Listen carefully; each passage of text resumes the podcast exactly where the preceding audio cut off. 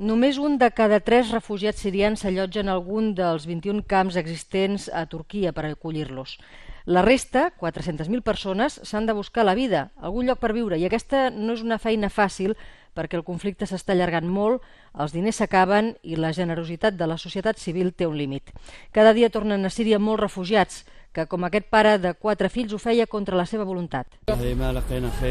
Vam arribar fa 12 dies de Hama fugint de les bombes i ja no ens queden més diners. Hem de tornar per força encara que tenim molta por. Ho hem intentat tot, però hem fracassat. No hem trobat lloc als campaments ni tampoc casa on estar. L'Agència Turca de Gestió de Desastres i Emergències ha explicat que, malgrat això, el flux de refugiats que creuen en direcció a Turquia no minva. És més, l'última setmana va créixer. El govern manté la seva política de portes obertes i ja ha gastat més de 2.000 milions de dòlars en atenció als refugiats. Però tot i estar al límit de les seves possibilitats, també manté la seva política de no permetre la col·laboració d'organismes internacionals. Les Nacions Unides preveuen que els pròxims mesos el nombre de refugiats sirians als països veïns superi els 5 milions. Això cal afegir més de 2 milions més de desplaçats interns.